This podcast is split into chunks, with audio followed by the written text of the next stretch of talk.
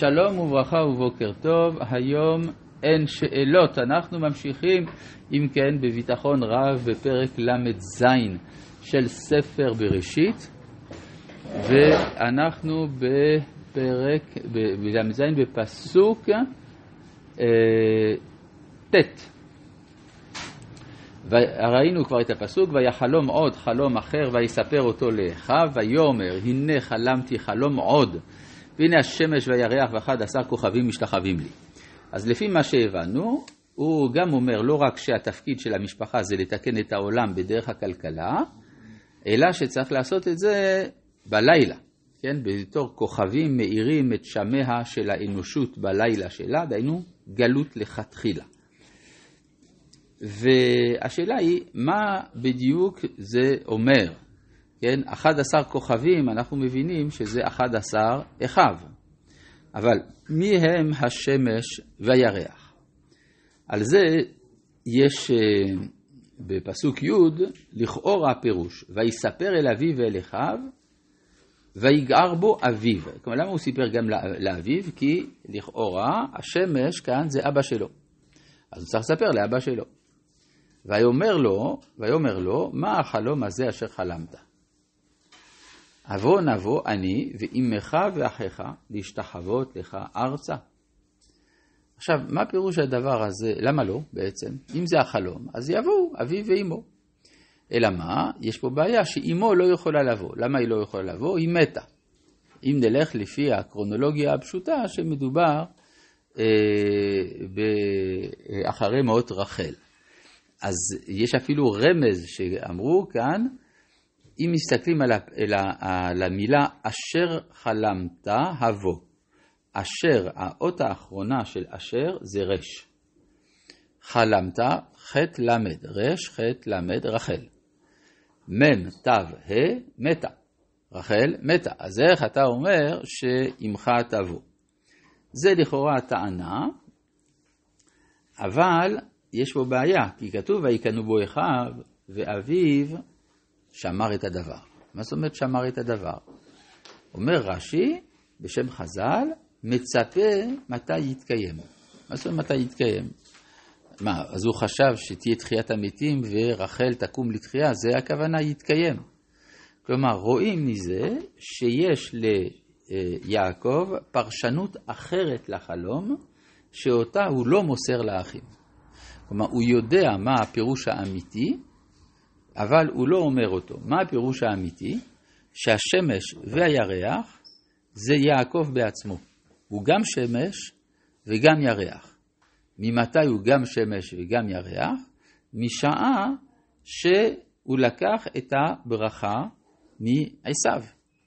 כי הרי אם יעקב הוא ירחי בטבעו ועשיו הוא שמשי בטבעו, ברגע שיעקב לוקח את ברכת עשיו, הוא הופך להיות שמש וירח, ולכן לוח השנה שלו הוא גם ירחי שמשי. אז זה, זה הכוונה והאביב שאמר את הדבר, לראות מתי יתקיים. מה? רק בתחילת הפסוק למה, מה יעקב בא בטענות ליוסף? כאילו שיוסף הוא אחראי על החלום של יוסף. לא. הרי חלום אנחנו לא, לא מכוונים. אני חוזר על שאלתך. אתה שואל, למה בכלל יש טענות של יעקב נגד יוסף על החלום, וכי אנחנו אחראים על איזה חלומות אנחנו חולמים? התשובה היא, אנחנו לא אחראים מהם החלומות שאנחנו חולמים. אבל אנחנו, אה, שני דברים. א', הוא, למה הוא מספר? למה הוא מספר? על זה הוא, על זה הוא בא בטענות. דבר נוסף, למה אתה מתייחס לחלום שלך ברצינות? כי אתה בעצם רוצה שיבואו להשתחוות לך. זה בעצם מה שזה אומר. כן? כלומר, אתה לא סתם מספר את החלום, יש גם כוונה. אתה אומר, אני מאמין בזה, ועל זה באת, נבוא נבוא להשתחוות לפניך. אבל אם הוא, אם הוא חלם את זה, זה אומר שהוא צריך להגיד את זה. למה? כל דבר שאתה חולם צריך להגיד? הוא מקבל איזה סוג של אה, רוח הקודש או נבואה דרך החלום. ונגיד שיש לו רוח הקודש או נבואה, זה אומר שהוא צריך לספר? כן? לא. למה אם יש גילוי צריך לספר? לא. למה לא? אנחנו לא חייבים. עד ש... זה לא אומר שהוא עשה טעות שהוא לא- שהוא סיפר. זה אומר שהוא עשה טעות שהוא סיפר. אמרת לא חייבים. לא חייבים, ולכן הוא צריך גם לחשוב אם זה כדאי או לא. אם זה גורם לשנאה וקנאה, אז לא. כן? אז אה, זה הכוונה, ש... ואביו שאמר את הדבר. וילכו אחיו לראות את צאן אביהם בשכם. מה זה לראות את הצאן? כלומר, ראייה זה עבודה של, שיש בה משום אה, אה, הנהגה. כלומר, הם רוצים להיות המנהיגים, אז הם מנהיגים. עכשיו, הם עושים תרגילים. איך מתרגלים מנהיגות? על ידי צאן, לראות את צאן אביהם. בשכם, מה יש להם לעשות בשכם? שכם נכבשה על ידי יעקב ובניו. זאת אומרת, מכאן ואילך כל השטח הזה הוא שלהם. לכן, כיוון שזה שלהם, הם הולכים לראות שם. ויאמר ישראל אל יוסף, הלא אחיך רועים בשכם, לך ואשלחך עליהם. מה זאת אומרת שאני שולח אותך לשם? אתה הולך להישפט. כלומר, יעקב רואה את הוויכוח בין האחים, ואז הוא אומר, בוא תעמוד למשפט, נבדוק ל, ל, האם אתה חייב או הם חייבים. ויאמר לו, הנני, אני מסכים להיות נשפט. הוא מחפש את האחווה, אבל גם מחפש את הראייה, שיראו אחיו ויאמרו מה, אה, מה הפסק דין. ויאמר לו, לך נא ראה את שלום אחיך ואת שלום הצאן, והשיבני דבר.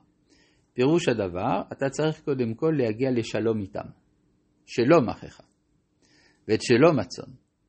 אחרי שתגיע לשלום איתם, תחזור אליי לספר, איתי, לספר לי. זה יכול להיות ההסבר, הייתי אומר, התת-מודע או המונח מאחורי הקלעים של השתיקה של יוסף כל השנים כלפי יעקב. אפילו כשהוא מלך במצרים, הוא לא שולח לו מסר. וזאת משום שיוסף עוד לא עשה שלום. ברגע שהוא עושה שלום עם אחיו, אז הוא שולח את המסר והשיבני דבר. וישלחהו מעמק חברון ויבוא שכמה. חז"ל, מה זה מעמק חברון? והלא חברון בהר היא יושבת, אלא מעצה עמוקה של אותו צדיק הקבור בחברון. שנאמר לו, ידוע תדע כי גר יהיה זרעך, והגלות כאן מתחילה בסיפור הזה, וישלחהו מעמק חברון. עכשיו נשאלת השאלה, איפה חברון נמצאת מבחינה טופוגרפית? היום, כשמסתכלים על העיר חברון, רואים שהיא בעמק. אבל זה בדיוק העניין. מה שבעמק חברון זה מערת המכפלה. מערת המכפלה, בגלל שהיא שם, זה גרם שאחר כך הייתה התיישבות מסביב לאזור הזה. אבל חברון הכנענית, או החברון שעליה אנחנו מדברים כאן, היא בתל רומדה, במקום גבוה. ואז הוא שולח אותו מעמק חברון, כנראה שהוא ירד איתו עד לשם. ירד איתו עד לעמק חברון, ואז הם ראו את הקבר של אברהם.